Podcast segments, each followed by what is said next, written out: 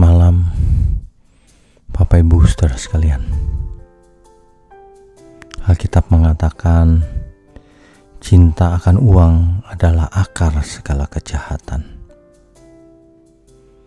Ini memang benar. Sebab oleh karena uanglah saudara saling membunuh, saling menuntut di pengadilan kekayaan. Sebab oleh karena uang juga suatu negara bisa bermusuhan dengan negara yang lain. Kata orang dunia, uang tidak mengenal keluarga. Itu sebabnya antar keluarga pun bisa ribut soal uang. Bukan uangnya yang jahat, saudara. Manusianya yang jahat. Manusianya menganggap uang atau nilai uang terlalu tinggi, saudara.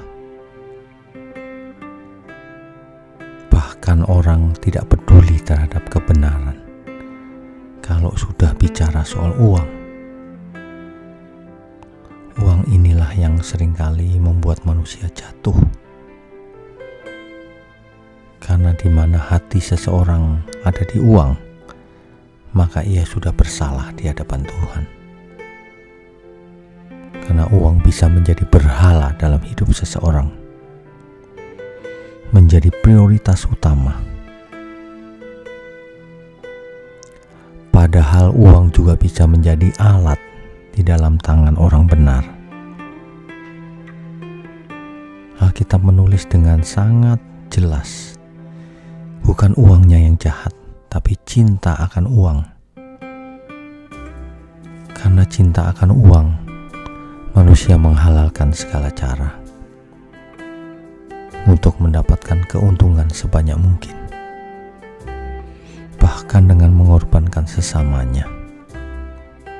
Itulah sebabnya modus penipuan dewasa ini banyak sekali korbannya.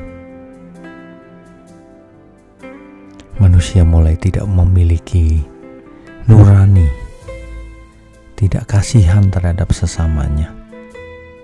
Ia tipu sana tipu sini agar dirinya mendapatkan banyak uang makin kaya padahal di atas penderitaan orang lain.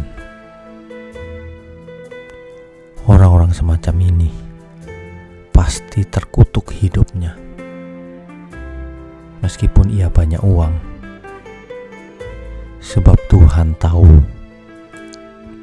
yang sebenarnya terjadi.